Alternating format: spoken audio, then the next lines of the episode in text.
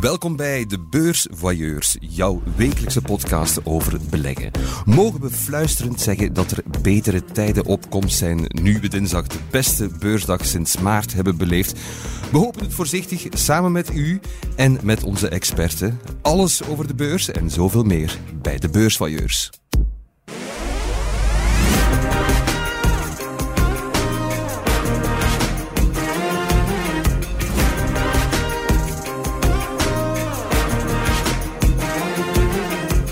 Ik zit hier alweer eh, ontzettend knus en ook oergezellig met de experten rond de tafel. En deze keer zijn dat Ellen Vermorgen van de Tijd en Gert Bakelands van De Belegger. Welkom Ellen, welkom Gert. Alles goed met jullie? Uitstekend, Thomas. Ja. Dag Thomas, ja zeker. Fijn dat jullie hier zijn. Centraal in de stoel een dame die van aanpakken weet. Ze heeft een hart voor werk en jongeren en laat haar gedachten de vrije loop als opiniemaker en schrijver. Je zag haar misschien ook al op televisie. En was dat nog niet het geval, dan leren we haar vandaag hier beter kennen. Welkom, Jasmin Nassiri. Dankjewel. Alles goed met jou? Ja, zeker nu ik hier vandaag zit. Echt? Vind je het nu al leuk? Ik vind het, ja, zeker en Heel fijn. Is het een drukke periode voor jou op dit moment? Ehm, ja, voor mij is het toch wel heel druk, maar ik vermoed dat dat voor iedereen wel geldt. En zeker eh, als je werkt rond arbeidsmarkt en eh, het werkstellingsvraagstuk. ja. Ja, want je bent general manager voor het innovatiecentrum Werk in Antwerpen. Wat doen jullie precies? Wij hebben eigenlijk de opdracht gekregen om voor heel de provincie Antwerpen experimenteel en vooral innovatieve oplossingen te bedenken rond het arbeidsmarktvraagstuk. Voor zover dat je het natuurlijk als een vraagstuk kunt definiëren, want het gaat over veel meer problematieken en uitdagingen. Um, en dat doen wij samen zowel met organisaties die outreachend werken als werkgevers. Dus iedereen wordt wel meegenomen in dit verhaal. Je hoopt dus de ondernemingszin ook bij jongeren nog aan te wakkeren, toch? Ja, absoluut. En vooral het intrapreneurship. Hè. Je hoeft niet per se zelfstandige te worden. Je kunt ook perfect je ondernemersgoesting meenemen op de werkvloer uh, bij een werkgever. Dat is minstens even belangrijk. Ja. Waar komt die ondernemingsgoesting van jou? Ik heb altijd een gigantische drang gehad om impact te genereren. En ik heb altijd mezelf een beetje wijs gemaakt dat ik dat het best kan doen door als zelfstandige aan de slag te gaan. Dus op mezelf aan de slag te gaan. En daardoor ben ik dus eigenlijk zelfstandig geworden en heb ik al meteen voor mezelf uitgemaakt uh, welke domeinen en welke uitdagingen ik al dan niet wil aanpakken. En het zijn vooral eigenlijk ook heel persoonlijke uitdagingen voor mij geweest. Omdat het uitdagingen zijn die zowel in mijn geschiedenis zich hebben voorgedaan als uh, ja, in mijn leven op dit moment. En ja, ik heb de ambitie om mensen zoveel mogelijk vooruit te helpen. En als ik dat kan doen op basis van hetgeen dat ik al achter de rug heb, ja, why not? Ja. Dat is prachtig. Heb je een mentor of zo in jouw leven? Is er iemand die dat extra geprikkeld heeft? Niet per se, behalve mijn moeder. mijn moeder begrijpt natuurlijk niet alles wat ik doe, maar ik vind dat wel een interessant anker voor mij. Mm -hmm. Om altijd naar, ja, naar terug te keren en, en, vragen te stellen. Ook al begrijpt ze niet wat ik juist stel. Dus ik kan mij altijd op een of andere manier goed adviseren. Maar ik merk wel nu, op dit punt in mijn leven, dat ik wel nood heb aan mensen met iets meer kennis over het domein waar ik zelf in actief ben. Mm -hmm. En ook gewoon rond uh, professionele carrières en ambities. En zo'n mentor heb ik helaas niet. Um, je zit ook in tal van raden van bestuur, liet ik me vertellen. Onder andere de raad van bestuur van de AB, de Ancien Belgique, van de prachtige concertzaal ja. in Brussel. Absoluut. Um, wanneer doe je dat allemaal? Zeg? Uh, ik doe dat na mijn werkuren. Ja. Um, bijvoorbeeld gisteravond zat ik nog op uh, een vergadering tot uh, tien uur in de nacht. Allee, avond. Maar dat geldt vooral met bestuursvergadering. Die zijn altijd na de werkuren, vrijwillig ook, dus onbezoldigd. Maar dat, dat vertrekt vooral vanuit een ja, gigantische goesting om, om mezelf maatschappelijk te blijven engageren. Ik kan dat niet loslaten. Er is mij heel vaak, mijn vrienden zeggen ook heel vaak van Jasmin, je hebt geen sociaal leven. Hè? Dat is de reden dat je ook nog single bent, zeggen ze dan meestal. Um, ja, ik, ik weet het. ja. Uh, maar de goesting om echt gewoon impact te hebben is echt zo groot. En ik kan daar echt niks aan doen. Uh, ik moet bezig blijven. Een oproep, Jasmin? Ja. Uh, ja. rustig. rustig. Nee, ik vind, ik vind dat onwaarschijnlijk uh, chic, want het gaat om, om een zitje aan tafel. En dat zit je ook opeisen, ook rond thema's uh, waar vrouwen dan minder vertegenwoordigd zijn. Dus dat vind ik super dat we, dat we Jasmin te gast hebben. En ook de wandel die zij doet is heel fijn om te volgen vanuit ons domein dan. Om te zien voilà, dat daar toffe jonge madammen zich in durven smijten. Ja. Ik ben blij dat Ellen het namens ons allemaal zegt dat we echt blij zijn dat je bent. ja, je doet zelf ook aan beleggen, Jasmin? Absoluut, ja, inderdaad. Voor mij is beleggen in het verleden altijd wel iets geweest voor de rijke mensen. En ik ben zelf in armoede opgegroeid, dus voor mij is beleggen altijd iets geweest dat op afstand was. En dat is iets dat ik niet kon veroorloven, want dat moest te doen met financiële middelen die je kon missen. Um, maar het is pas later dat ik dan ben beginnen beseffen van, ah ja, een aandeel, hoe zit dat dan? Uh, je bent dan in principe mede-eigenaar van een bedrijf, je kunt mee invloed uitoefenen, uh, maar door gewoon überhaupt ja, aandelen te kopen of te investeren in bedrijven, kun je ook gewoon per definitie invloed uitoefenen. Uh, je kunt de koers mee bepalen van een bedrijf, je kunt ja, van alles beginnen doen, waardoor dat je dus eigenlijk uh, de wereld en de samenleving ook gewoon beter maakt. Je moet je inbeelden als je financieel kapitaal hebt, je investeert dat in... Um, technologische vooruitgang of in de gezondheidszorg, ja, daar heb je ook al impact mee. Want je hebt die middelen nodig om, om als samenleving vooruit te gaan, om te innoveren, om te ondernemen, om producten te bedenken enzovoort. Ja. Ja, en, en niet vergeten, uh, dankzij de beurs kan iedereen, of toch een heel groot deel van de bevolking, eigenlijk ook een stukje ondernemer zijn hè, en de vruchten ervan plukken, zonder zelf een bedrijf te moeten hebben. En dat maakt de beurs echt wel democratisch. Ja, absoluut. Inderdaad. Die toegankelijkheid is een heel fantastisch gegeven. Terwijl dat eigenlijk in mijn, mijn eigen vooroordelen waren het compleet tegenovergestelde natuurlijk. Hè. Ik had de indruk dat uh, beleggen of, of de beurs überhaupt iets was dat gesloten was en enkel voor de top hè, en enkel voor de mensen met het meeste kapitaal. Terwijl dat in principe mijn mama, die poetshulp is, perfect ook een aandeel zou kunnen kopen Weliswaar afhankelijk van welk bedrijf natuurlijk. Hè. Uh, maar ze zou dat perfect ook kunnen doen met de spaarcentjes die zij zou hebben. Ja. Het mag niet voor de happy few zijn. Ja. Absoluut. Jasmin, je gaat hier echt uh, straks nog twee experts aan het huilen brengen met zo'n mooi betoog. Uh, we zijn heel blij dat je hier bent vandaag. Hartelijk welkom.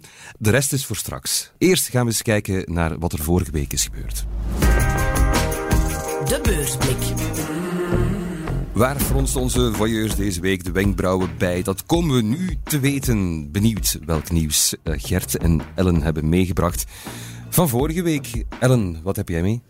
Ja, ik heb denk ik eh, de naam uit de financiële sector die je overal over de tongen hoort gaan deze dagen. Dat is Credit Suisse, een van de grootste banken in Zwitserland en een van de grootste financiële powerhouses toch nog wel in de wereld. Zij zitten eh, in de top 40 van de grootste financiële instellingen. En er is daar zo wat een, een, ja, een alarmbel opgedoken. De angst dat hun balans niet sterk genoeg zou zijn en dat er mogelijk zelfs een financieel systeemrisico zou opduiken en dat Credit Suisse ja, pleiten uh, zou kunnen gaan op uh, ja, Lehman Brother-achtige wijze. Um, ja, dus een verhaal dat heel veel deining heeft veroorzaakt en waarin dat je heel sterk ook bijvoorbeeld de kracht van sociale media hebt gezien. Want dat verhaal is eigenlijk daar begonnen. Je hebt een, een beursjournalist in Australië gehad die als eerste uh, heeft gezegd van oh, Credit Suisse, hoe zou je dat dan zeggen, could be on the brink. Die woorden on the brink, ja, dat heeft dan een gigantisch uh, sneeuwbaleffect in gang gezet op Twitter. Is er heel veel uh, speculatie beginnen komen van oei oei, ga Credit Suisse, kan dat failliet gaan, kan dat falen? Dat heeft dan ja, een katalysator op financiële markten ook uh, in gang gezet. De koers van Credit Suisse die al helemaal op zijn gat lag, nog erger geraakt. Ook, ook de credit default swaps opgedreven, CDS'en, een product waarmee je kan beschermen mocht Credit Suisse failliet gaan. De prijs daarvan gestegen. Dus ja, een beetje paniek alom. Um, en het van Credit Suisse heeft dan de reflex gehad van oké, we gaan de markt uh, sussen hebben dan een soort uh, bericht de wereld ingestuurd van kijk, onze liquiditeitspositie is heel sterk, onze kapitaalpositie is sterk genoeg om dit door te komen.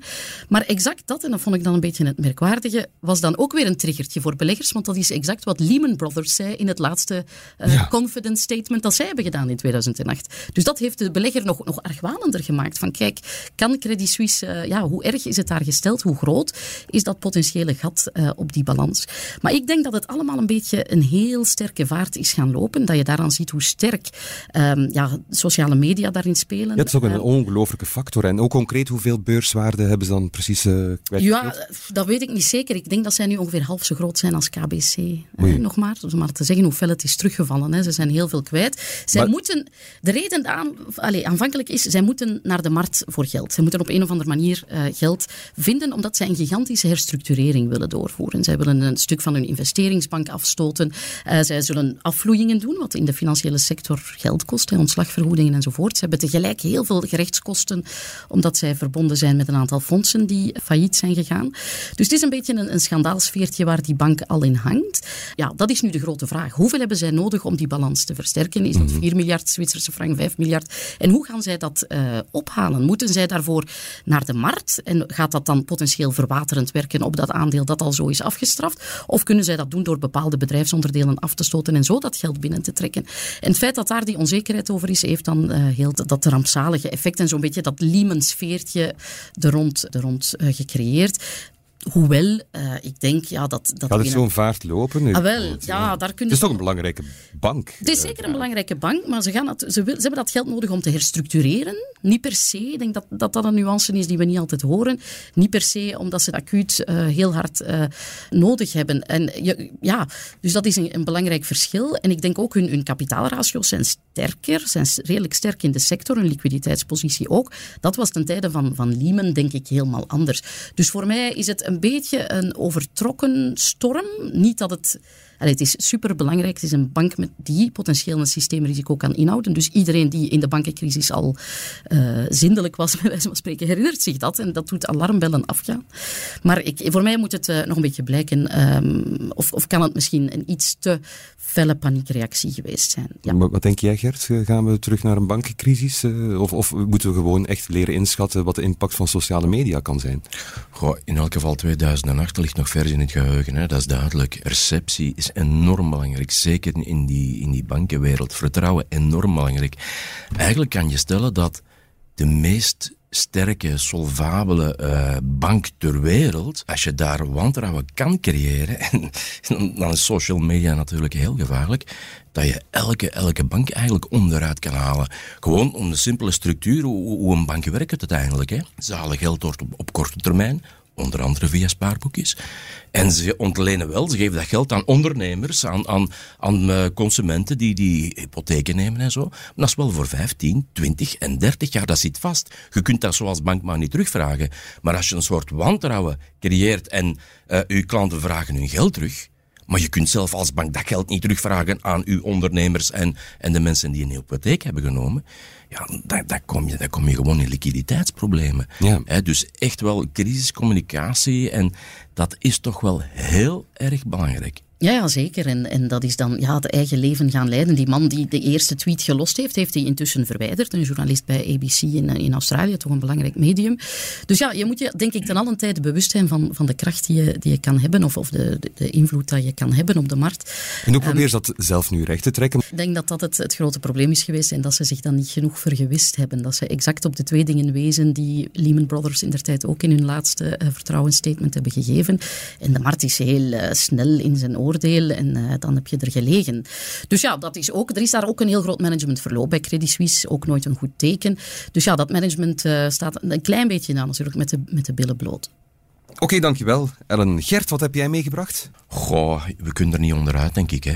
De S&P 500, de grootste Amerikaanse beurs na de eerste negen maanden van het jaar, min 25 procent. Dat is geleden uh, van 1931. Dat is toch wel... Dus dat mocht er toch wel eens uh, als, als topic erbij komen, dacht ik dus.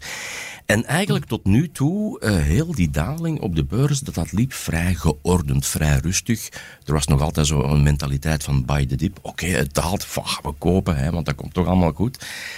Tot op een gegeven moment dat er toch die onrust insluipt. En, en ik, ik, ik, heb de voorbije weken gemerkt dat mensen inderdaad ongeruster werden. Uh, van het weekend nog heel wat mensen gezien, en die mij niet kenden, maar ik hoorde die vertellen. En het gespreksonderwerp was de beurs. En ik hoorde mensen hm. vertellen van, het is niet het moment om te kopen. Hm. Hè? Hè? En zo. En, en, en, en je voelt kom je daar ongerustheid. kom je daar dan tussen, Gert, van ja, maar wacht, nee, er zijn toch echt wel opportuniteiten? ja, nee, nee, nee. Het weekend, uh, ik, kan niet werken, ik kan niet werken, Thomas. Maar ik, heb ik werk al, al meer dan genoeg. Maar je merkt dat, dat, dat pessimisme en, en, en, en dan zie je dat die volatiliteit er wel in komen. Volatiliteit die er wel was, al bij de obligatiemarkten en valutemarkten. Hè. En vaak zie je dat die, echt die spike in volatiliteit, al dan niet tijdelijk, hè, we zullen dat zien, maar al dan niet tijdelijk toch een, een, een, vaak een, een, soort van einde van daling en, en een opvering inluidt. En dat mhm. hebben we de eerste twee dagen van oktober mm alvast heel mooi gezien dat de beurzen. Wat is het dan? Ik weet het niet van buiten. Ja, ik denk uh, Europese beurzen dinsdag plus 4% de Eurostox 50. Dat is erg lang geleden. Ehm, dus dat zijn natuurlijk hoopvolle signalen. En wat jij zegt, Gert, als je je onkel Jos komt over de beurs praten, is dikwijls ook een, een bodemindicatie. Dat wordt gezegd. dus dat, dat dan het ergste leed geleden is. Um, dus voilà, ik durf dat niet afroepen. Ik denk, er staan nog heel woelige tijden op gang. Ik kijk opnieuw naar Australië. Ik vind dat Australië deze beursweek een, een belangrijke rol aan het spelen. Ik denk dat dat meespeelt in het beetje een nieuwe vertrouwen is dat de centrale bank in Australië gezegd heeft van wij gaan, we komen uit een opbod in rente. Hè. De een bank zegt we verhogen de rente met 50 basispunten, oh dan doen wij 75, dan doen wij 100, dan doen wij er nog een kwartje bij. In Australië heeft die man, Philip Lowe, uh, gezegd wij gaan even gewoon 25 basispunten doen, chill, en even kijken hoe onze eerdere renteverhogingen werken op die inflatie. En dat is volgens mij iets dat beleggers hebben opgepikt en zeggen, oeh, kijk, er is een centrale bank die het rentepad dat zo stijl naar boven ging, een beetje gaat, gaat afwachten. En misschien is dat wel een voorbode dat geeft voor goede moed. de Federal. Exact, ja. Dat er één bank zegt, Down Under, hè, de belegger mag denk ik een, eh, een duimpje omhoog steken naar Down Under deze week. Dus ja, eh, dat er één centrale bank is die zegt, eh, wij gaan toch eerst eens even kijken welk effect onze eerdere renteverhogingen sorteren voordat we nog harder van jetje gaan geven. En dat is voor beleggers denk ik een belangrijk signaal geweest van kijk, misschien is dat echte agressieve uh, verhaal een beetje aan het aflopen. Het is alleszins een katalysator geweest. Hè? Ook uh, dat dat centrale bank in Europa en Amerika gaan zeggen, ja, die 75 basispunten in één keer misschien. Ja, het is toch hè, het gevaar op recessie. En eigenlijk, er komt de recessie. Hè? Misschien moeten we dat toch wel verhogen. Hè? Kijken naar die inflatie, maar toch niet te zot doen, ook niet. Hè? Zijn, zijn dat toch eerste tekenen dat misschien wel die berenmarkt voorbij kan gaan? Um, kijken we gewoon naar de geschiedenis. Uh, sinds Wereldoorlog 2 zijn er heel wat geweest. En daar kijken we naar het gemiddelde. We spreken over een, een, een daling tijdsduur 20 maanden, gemiddeld. Um, een daling van gemiddeld 39 procent. Daar zitten we nu niet. Hè. Dus je kan zeggen van oei, hè, gaan we naar dat gemiddelde, hebben we nog een tijdje te gaan. Maar goed, altijd oppassen met statistieken. Hè. Je, hebt, uh, je hebt leugens, je hebt zware leugens en dan heb je statistieken. Hè? Dus ja, maar ja, oké, altijd mee oppassen. En de ene situatie is de andere niet. Je moet er echt mee, mee voorzichtig zijn.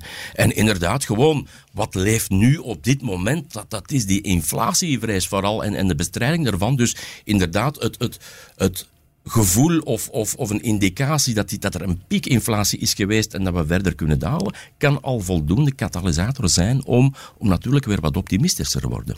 Maandag was er de belegger tour. Hè? ja. Daar heb ik een aantal... Uh, CEO's zien spreken en die zaten daar aan tafel hun broodje te eten en, en die zaten echt naar me verbaasd naar elkaar te kijken van, van hoe zwaar hun aandeel wel was gedaald. Ze, ze konden er bijna niet bij doen. En wat zeg je dan ook? Ik, was ze kopen massaal, hè? In de tijd las ik inderdaad heel veel insider uh, aankopen, dus bedrijfsleiders. Dat is ook die, die zeggen van...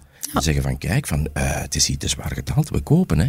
Akkermans van Haren, een holding, die, die zich gewoon zegt van, kijk, als jullie het niet doen, jullie beleggers, dan kopen wij onze eigen aandelen. Ze starten dus, en dat is niet evident voor een Akkermans van Aarde, dus toch weer al uh, heel toonaangevend van kijk, wij kopen onze eigen aandelen, want wij vinden ze te goedkoop. Wilt dat nu zeggen dat de berenmarkt gedaan is?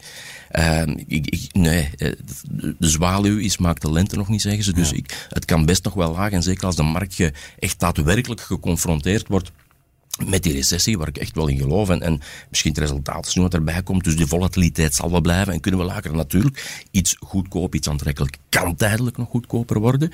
Maar het is zeker niet het moment om, om nu te panikeren en, en, en, en, en te verkopen of, of verlamd aan de kant te staan. Zoals ik bij heel veel mensen um, zie. En misschien is dat wel de mooiste contra-indicator. Jasmin, denk jij wel eens in wat voor een tijden ben ik toch met beleggen begonnen? Ja, heel hard. Uh, ik ben vorig jaar begonnen en ik zag het al meteen rood worden. En ik dacht van, jup, uh, dit was nu niet de ideale moment. Maar inderdaad, allez, het is vooral kalm blijven. Uh, gelukkig had ik ook natuurlijk een deel belegd dat ik echt wel ook kwijt kon. Uh, alleen liefst niet natuurlijk, maar daar moeten we wel rekening mee houden. Maar ja, het, is dan paniek. En ik kan dat volledig begrijpen dat dan mensen er bewust voor kiezen om te gaan sparen. Hè? Uh, om hun geld op uh, een spaarrekening te zetten. Allee, Ja, dan heb, ja ik begrijp die reflex ook. Als de beurs dermate, hè, wat, wat Gert zegt, een kwart van de S&P, als je dat ziet gebeuren als beginnend belegger, ga je zeggen, nee, die cash is zo slecht nog niet. Maar natuurlijk, ja, dan kom je weer bij die klassieke uh, hoop, retoriek van ja, de beurs is elke crisis uh, te boven gekomen, heeft altijd een beter rendement geboden over de lange termijn. Dus voilà, dat is dan uh, zo'n beetje de, het dingetje dat je naast je bed op een postitje of zoiets moet kleven. Of, en het hele straffe is, als beleggers naar crisissen kijken, naar het verleden, elke crisis beschouwen ze als een unieke kans. Mm. Maar in de crisis waarin ze in zitten, dan Dat is vooral een groot risico. Ja, ja, en eigenlijk klopt dat ergens niet. Hè? Er zit inderdaad een, een, een haak in, op een of andere manier. Jasmin, wat heb jij voor ons meegebracht? Ik heb een artikel meegebracht rond uh, het spaarboekje. Um, ah, dat pikt er mooi op in. Ja, de waarde van het spaarboekje, dat dus echt aan talen is uh, de afgelopen jaren toch wel. En ook gewoon in het algemeen. Maar dat is iets dat heel irrationeel is, uh, of, of toch in ieder geval door mij heel irrationeel wordt ervaren, omdat ja, je denkt je werkt heel hard, je spaart, je legt het op je rekening. Waarom zou dat een waarde dalen? Je staat daar niet bij stil. Elke dag verdampt 123 miljoen euro spaargeld. Exact. En dat is heel chockerend, want ik zeg het, als je de achtergrondinformatie niet hebt en natuurlijk dergelijke artikels ook niet leest of het niet opvolgt of niet weet wat dat inflatie is, want ik denk dat we dat ook heel hard onderschatten, dat een groot deel van de bevolking niet zo goed begrijpt wat dat inflatie is of wat voor effect dat, dat heeft op de rest van hun inkomen en hun leven, um, ja, dan zitten eigenlijk in een probleem en dan zijn ze heel hard aan het werken, heel hard aan het sparen. En dat is iets dat ik de afgelopen jaren ook altijd heb gedaan. Wat dat ironisch is, want ik heb natuurlijk wel de achtergrondkennis. Ik heb economie meermaals gehad. Um, ik heb uh, meerdere diploma's, dus het is niet dat ik op dat vlak onwetend ben. Maar toch hield ik mij vast aan dat sparen. En ja, dat is um, iets heel gek. Uh, maar als je opgroeit in een omgeving waarbij dat je dus eigenlijk denkt dat je continu buffers moet hebben, wat dat heel gezond is, maar dat je dus eigenlijk moet werken in de richting van, van het creëren van buffers en het doen aangroeien van die buffers, dan is een spaarrekening de meest logische zet om, om ja, te maken. Terwijl dat ik dan nu eigenlijk, en niet alleen nu, maar de afgelopen jaren heel snel tot besef ben gekomen van, ja nee, dan maken ze ons wijs dat een spaarboekje een goed idee is. Uh, maar dat is hier helemaal niet het geval. Ja, afgelopen jaren heb ik mij bezig gehouden met um, het, zelfs het investeren in garageboxen. Ja, ja. Um, dat schijnt dat dat uh, fors in, in prijs gestegen is. Ongelooflijk. In Antwerpen toch in ieder geval. Dat is echt onvoorstelbaar. Dus dat ik daarmee bezig ben van oké, ik wil nog geen huis kopen, ik wil er eventjes mee wachten. Laat me dan op zijn minst investeren in garageboxen of zo. Hè. als het echt helemaal fout loopt, kan je nog altijd in een garage wonen natuurlijk. Dat is inderdaad de grap die ik zelf maak. Het, het, het ironische is natuurlijk, um, in het verleden toen ik op zoek ging naar appartementjes en huisjes, dan doe je altijd van laag naar hoog prijs. Allee, ik ja. toch in ieder geval. Dus ik deed de prijs van laag naar hoog en ik denk dat de eerste vijf pagina's allemaal garageboxen waren. En toen dacht ik van, ja, oké. Okay. Um, toen rook een, een beleggingskans. Ja. Nog iets anders in verband met dat inflatiecijfer. Het houdt uiteraard meteen ook verband met loonindexering en alle debatten daar rond. Toch iets wat voor jouw sector ook niet onbelangrijk is? Ja, absoluut. Uh, we merken nu echt wel bij de werkgevers uh, dat dat echt wel uh, als een probleem wordt ervaren. En niet enkel bij de werkgevers in de profitsector, maar ook de non-profitsector. Als we kijken naar bijvoorbeeld de middenveldsorganisaties die ook continu moeten indexeren, die zijn heel hard afhankelijk afhankelijk van, van vaste budgetten, zoals dat eigenlijk bedrijven ook afhankelijk zijn van een vast budget dat ze eigenlijk enkele jaren op voorhand al hebben vastgelegd om naar loonkost te gaan en naar werkingsmiddelen. En nu merk je eigenlijk dat die grens compleet vervaagd is. Dus dat de werkingsmiddelen op dit moment eigenlijk worden gebruikt om de loonkost uh, te bekostigen. Uh, waardoor dat heel veel organisaties in de problemen komen, uh, zelfs mensen opzij moeten zetten, dus ontslaan. En dat doen ze niet graag. Maar hetzelfde geldt voor de bedrijven ook, hè, die nu echt keihard moeten puzzelen en moeten bekijken hoe dat ze dat al dan niet gaan moeten aanpakken. Oké. Jasmin, we, we, kunnen het blijven vooruitschuiven en doen alsof het niet gaat gebeuren, maar het, het, is wel zover. We gaan eens in jouw portefeuille moeten kijken. We niet, dat is, dat is Wanda die dat doet, of in jouw sakos, dat mag je zelf kiezen. Maar er wordt in geloerd, zometeen.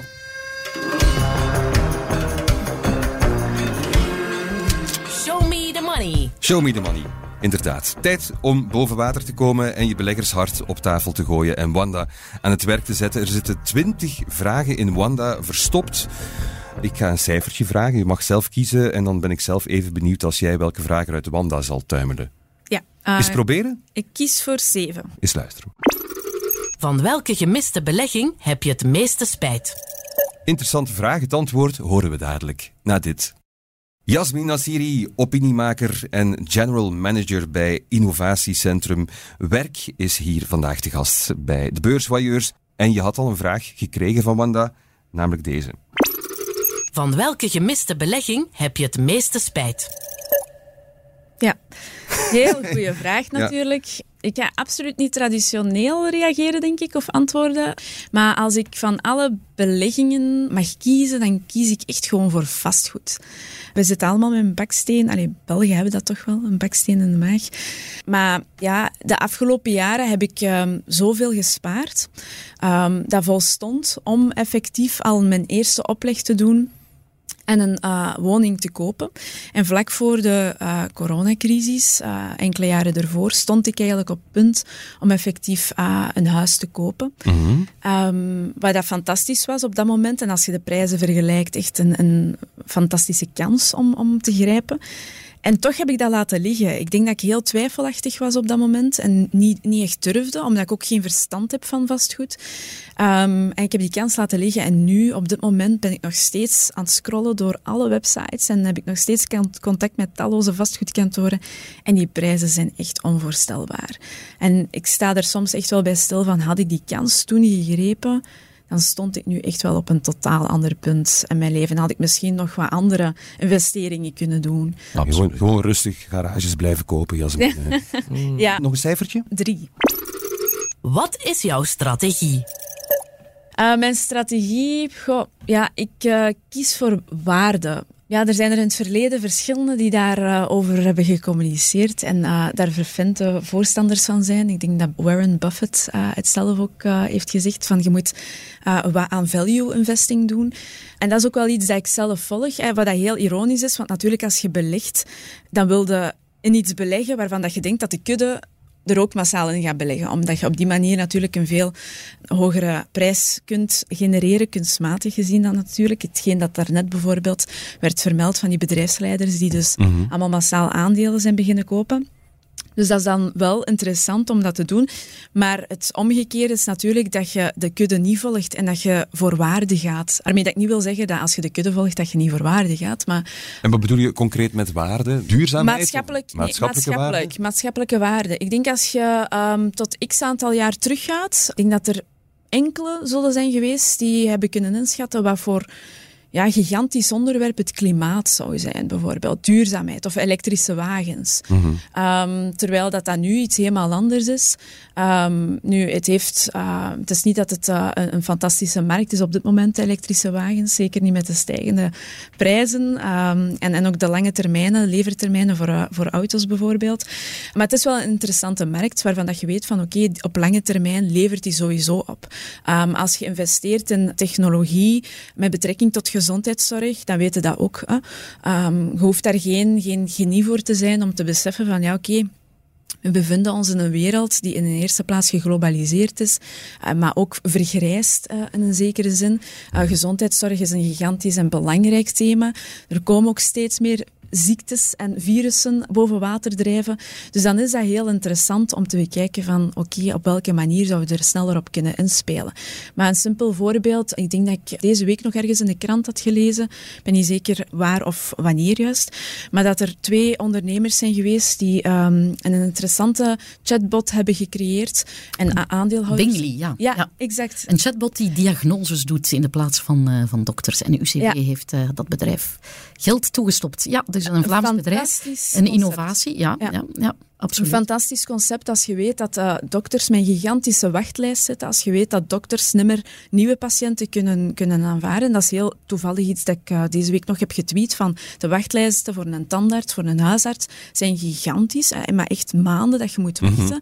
En dan komt er met zoiets af. Ja, dan weten van oké... Okay, dat is interessant om in te investeren. Ja. Uh, en dat, maar dat maakt jou meer een groeibelegger, denk ik, dan ja. wat wij een klassieke waardebelegger... Je gaat meer ja. kijken naar, naar, naar maatschappelijke waarden. Ik denk dat dat anders is dan, dan wat wij uh, beleggerswaarden noemen. Ik denk dat je meer gaat kijken naar wat zijn de, de, de belangrijke trends die de wereld gaan vormgeven. De groeitrends. Hè. Zo, zoals uh, ja, automatisering, waar dat je nu over die robot spreekt. Of, ja, of inderdaad ja, vergroening enzovoort. Ik denk dat, dat daar de definitie wat, wat anders ligt. Um, en dat, dat dat misschien meer jouw, jouw jive is dan de klassieke waardebedrijven die, die, die al erg uh, ver staan in hun ontwikkeling en matuurder zijn en, en erg goede cashflows en, en winsten genereren. Misschien, uh... Ik heb het er inderdaad volledig van losgetrokken, omdat ik waarde natuurlijk op een andere manier mm definieer dan uh, dat is mooi. de klassieke. Ja. Dat is wel een mooie positieve evolutie ook. Hè. Tien jaar geleden was er nog voor mensen met mijn geiten, geitenwolle sokken. Hè. maar echt de uitzondering. En nu is dat toch een algemeen goed geworden. En dat is wel positief. Ja. Nog een vraagje? Ja, is goed. Dan moet je een cijfertje zeggen. Twee.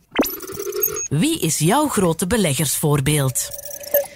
Ja, dat is voor mij heel makkelijk eigenlijk. Um, ik weet natuurlijk niet wat dat de details zijn en hoe dat zij aan de slag gaan. Maar als ik twee namen mag kiezen, dan is dat voor mij Piet Colruyt en Mark Koeken.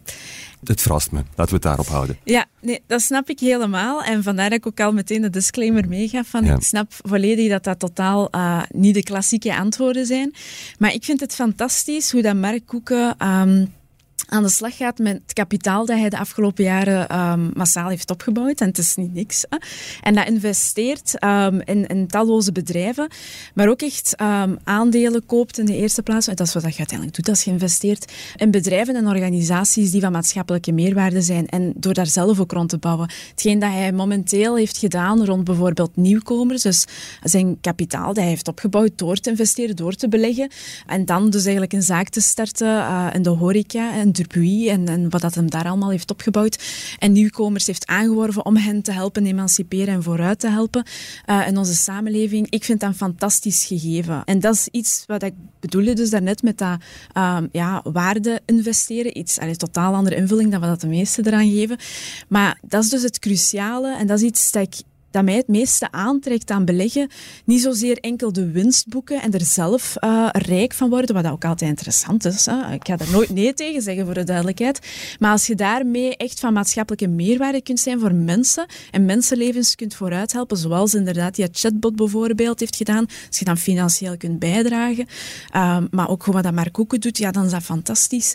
Uh, en hetzelfde voor Piet Colruyt. Het feit dat hem zijn aandelen bij Colruyt zelf um, heeft verkocht voor een deel en regelmatig enkele keer heeft gedaan. En met dat kapitaal is aan de slag gegaan om te investeren opnieuw of andere aandelen te kopen van bedrijven die werken rond die maatschappelijke impact, die werken rond een betere samenleving en een betere wereld. Dat zijn voor mij twee voorbeelden. Alleen de mhm. manier waarop dat ze dat aanpakken en de manier waarop dat ze natuurlijk ook kijken naar winst, want het moet iets opleveren, anders kunnen het niet duurzaam blijven doen, die impact. Ja, dat is voor mij echt wel de droom. Als ik uh, hierin verder blijf gaan, dan wil ik echt zoiets. Ja, en dat zijn de verhalen die soms dan wat ondergesneeuwd raken. Hè? Mensen denken maar koeken, Anderlecht. Uh, allee, ja, ja.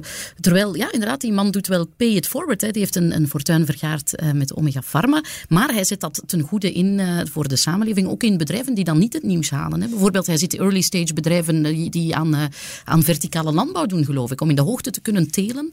Belangrijke toekomsttrend. Waarschijnlijk nu nog niet winstgevend. Maar, of, of Ebusco, ook zo'n verhaal waar hij mee ingestapt is, elektrificatie van, uh, van onze openbaar vervoer. Ja, dat zijn dingen die... En, en Piet Kolruit, die dan misschien nog een stap verder gaat en ook in Afrika uh, zijn werk aan het uh, zijn geld probeert te laten werken in, in, in verschillende innovaties. Um, ja, dus allee, dat, dat is tof dat die verhalen die misschien, en dat moeten we hand in eigen boezem, soms wat ondergesneeuwd raken, dat die toch ook boven komen. Ik vind het vooral heel mooi dat je zegt dat winstgevendheid en duurzaamheid elkaar niet hoeven mhm. tegen te spreken. En dat, dat is echt hartverwarmend. Ja, absoluut. Ik weet dat er natuurlijk mensen zijn die vies zijn van winstboeken of als bedrijven veel winstboeken, dat ze meteen in een kramp schieten. Ik snap van waar dat, dat komt. Hè? Want allez, ik, ik herken het, ik snap van waar dat, dat komt. Ik dacht vroeger ook zo als, als tiener, vooral als ik keek naar onze eigen thuissituatie, dat ik dacht van ja, allez, hoe kan dat nu? Maar je hebt die winsten nodig om uiteindelijk terug te gaan investeren in de vooruitgang van de samenleving. Of dat dat nu gaat over terug investeren in technologie of uh, andere vormen van innovatie op verschillende vlakken. Ja, al ik bedoel, je hebt daar winst voor nodig. Hè? Zonder geld gaat het niet kunnen doen. Ja, dat is een, een goed besef, denk ik. En iets dat, uh, dat... Ja, er hangt nog altijd te veel dat vuile bijklankje aan winst. Of dat taboe. En dat is, uh, dat is jammer. Oké, okay, Jasmin, voor je echt Gert nog aan het huilen gaat krijgen. Um, supergoed gedaan en dankjewel om zo openlijk in jouw portefeuille te laten tasten. We gaan eens iemand helpen. De hulplijn. U weet ons weer te vinden, beste luisteraar, en dat is heel mooi en terecht ook wel, want we zijn hier per slot van rekening om u te helpen. De vraag van deze keer komt van Bastiaan. Dag Bastiaan. Hallo Thomas. Beste Bastiaan, wat is jouw vraag? Oh ja, Bastiaan, we hebben elkaar al eens gehoord, bedenk ik nu. Het is niet de eerste keer dat je... Oh, dat is, fijn. de tweede keer. Je had nog een vraag dan. Oké, dat is veel goed. Veel beursvragen, inderdaad. Ja, uh, dus ik ben zelf een actief belegger. En uh, ik bekijk dus de, de website van de tijd regelmatig. En wanneer ik naar de, de markten live ga, dan zie ik daar vaak de grondstoffen terug, van edele metalen tot olieproducten.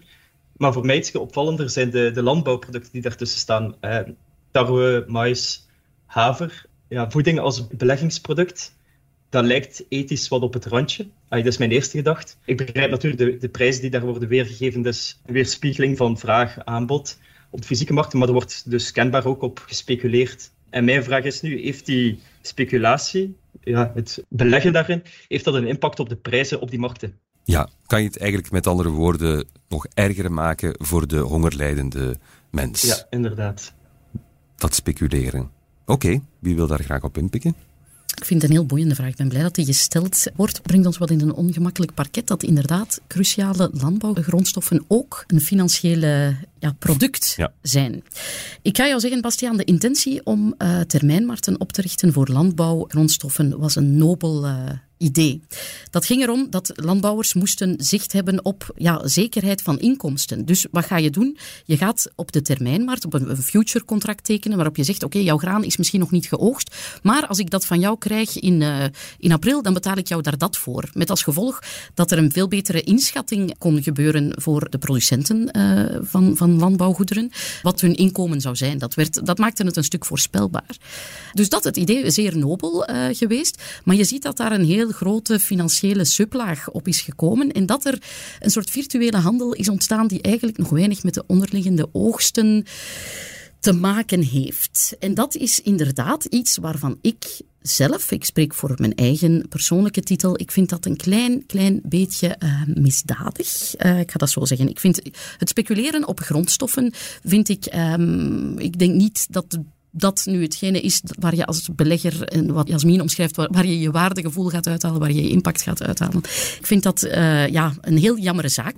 Er wordt naar gekeken hoor, daar niet van. Je hebt uh, handelslimieten die zeggen van als de prijs van bijvoorbeeld uh, cacao met 20% de hoogte inschiet, gaan we die handel stilleggen. Je hebt daar remmers. Hè. Beurzen proberen dat af te remmen. Ook er zijn voorstellen om bijvoorbeeld bepaalde posities um, ja, te gaan limiteren. Dat je zegt van die partij in de markt, want dikwijls zijn dat een aantal grote partijen die die markt beheersen, uh, vaak namen die we, die we eigenlijk niet zo, niet zo super goed kennen, maar dat, dat er een, een, een limiet is op uh, hetgeen dat je per dag mag verhandelen. Ja, er zit zeker een speculatief laagje, is er met de tand destijds bovenop gekomen, boven die termijnmarkt. En dat is, dat is jammer. Ik denk de hoofdreden daarvoor is als wij meer betalen voor uh, ons brood, laat ons zeggen, dan voelen wij dat in onze portemonnee. Maar in andere landen voelt men dat in de maag. En dat is uh, voor mij, kan je met zulke dingen niet spelen. Dat is dat is niet iets om mee te spelen. Dat is ja. veel te cruciaal uh, voor zoveel mensen om daar een soort financieel spiel uh, van te maken. En dat is mijn idee over. We, we, rapporteren over grondstoffen. Natuurlijk doen we dat. Hè. Dat, dat is een, een belangrijk handelswaar. Heel belangrijk om dat te doen. Zegt veel ook over de wereld. En ja, die speculatie uh, zit daar voor een stuk in. En ik ben blij dat daar naar, vanuit regulatoren wordt gekeken. Anderzijds is het niet alleen speculatie. Je hebt, er is ook een markt die aan politiek heel onderhevig is. Hè. Bijvoorbeeld die oorlog stuurt ook uh, graanprijzen op. Of, of er valt plots één plantaardige olie uit de markt, ja, dan stijgt de prijs van de andere plantaardige olie. Dus het is niet alleen speculatie, er zit heel veel politiek in, er zitten heel veel prijsmakende facetten in die markt. Maar ik vind, ja, je hebt zeker een punt om, om dat op te werpen. Uh, zeker wat, wat basis landbouwgrondstoffen betreft, omdat die voor zoveel mensen uh, zeer, zeer belangrijk zijn. Zijn we het daar allemaal over eens dat het eigenlijk een beetje onkies is? Ja, grotendeels wel hoor. In basis in C is het, is het uiteraard positief dat die termijncontracten bestaan voor die landbouwers. Dus de origine is echt wel een positieve zaak. Het is ook wel zo, als ik dan toch ja, iets, een klein tegengewichtje mag geven. Het, het is niet omdat er speculanten zijn dat, dat het aanbod aan graan bijvoorbeeld vermindert. Dat is het niet. Er zijn andere politieke zaken. En die versterken natuurlijk dat, dat, dat speculatief gegeven. Maar speculanten kunnen die die prijs inderdaad uh, hoger doen opveren dan in een normale situatie dan, dan ze niet zouden zijn. Absoluut. Is dat jammer? Absoluut. Dat is inderdaad speculatie. Als je kijkt naar alle contracten, contracten die daadwerkelijk afgehandeld worden, dat is slechts een klein percentage. Dus heel veel is gewoon, wordt gebruikt als, als financieel instrument. En uh, dan kan ik alleen maar bijtreden dat inderdaad in bepaalde landen waar, waar voeding 50 tot 70 procent aan het inkomen daar naartoe gaat. Mm -hmm. Of 90 procent, of het volledige ja, in, in België is dat 10 à 15 procent. Uh, ik zie jullie denken, ja, in uw geval nog iets meer, dat klopt. In mijn geval maar, ook hoor. Je. Ja, is dat eerlijk dan ben ik niet alleen, maar dan, dan, dan is dat niet zo erg voor ons. Wij kunnen het dragen. Maar voor heel wat uh, burgers op, op onze wereld is dat dat mag je echt niet onderschatten. En hmm. daar, zou iets, daar zou iets mogen aangedaan worden, ja.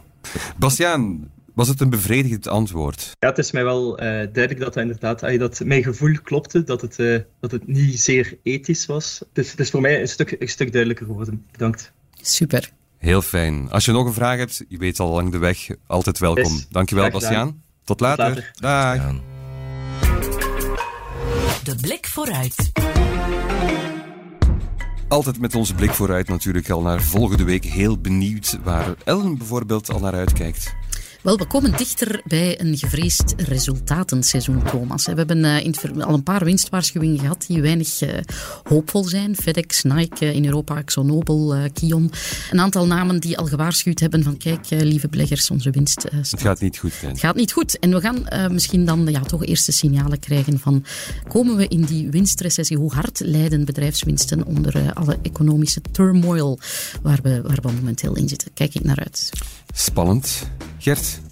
Ja, eigenlijk hetzelfde. hetzelfde. Het, wordt, het wordt enorm druk en uh, dan is het niet alleen kijken naar, oké, okay, hoe is het geweest voorbije kwartaal en voor de volgende kwartalen. Hè. En, en dat is zo typisch een periode dat gepaard gaat met de enorm hoge volatiliteit, dat je eigenlijk individuele aandelenkoersen soms, ja, plus 10, min 10 procent, dus dat is toch een heftige periode en dan, dan moet je alles toch wel heel goed zien te kaderen. Dat is uh, voor volgende week dan. Jasmin, is er iets waar je nu al naar uitkijkt? Ja, ik, ga, ik heb een Bolero-rekening aangemaakt. En ja. ik kijk er vooral heel hard naar uit om uh, expliciet echt ook gewoon bezig te zijn met aandelen. En niet meer via de bank ja, te gaan beleggen. En vooral heel veel bij te leren. Ik ben heel leergierig, dus ik kijk er echt naar uit. En wat dat betreft denk ik dat ik de luisteraar een beetje een primeur kan geven dat Jasmin ook zal uh, deel uitmaken van ons panel in de beursrally. Ja. Nee, maar hier ga je mensen leren kennen hoor. Ja. Dat, dat wordt een feestje, dat is zeker. Welkom Jasmin. Dankjewel. Dit was het voor vandaag, voor het al te bond wordt. Ik bedank onze beursvoyeurs van dienst Gert Bakelands, Ellen Vermorgen en natuurlijk onze bekende voyeur Jasmin Nassiri. Ook grote dank aan luisteraar Bastiaan voor geweldige vraag ook alweer. Volgende week zijn we opnieuw met een nieuwe bekende voyeur die nog niet al te veel kwijt wou, behalve dit. Graag tot volgende week. Hallo beursvoyeurs. Mannetjes, wat een gekke beurstijden.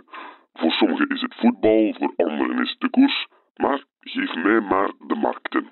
Altijd prijs.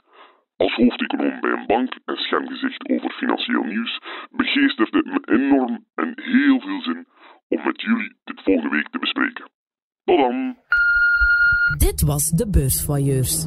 Presentatie door Thomas de Soete, productie door Anne-Sophie Moerman. Mis het beursnieuws niet op tijd.be. Graag tot volgende week.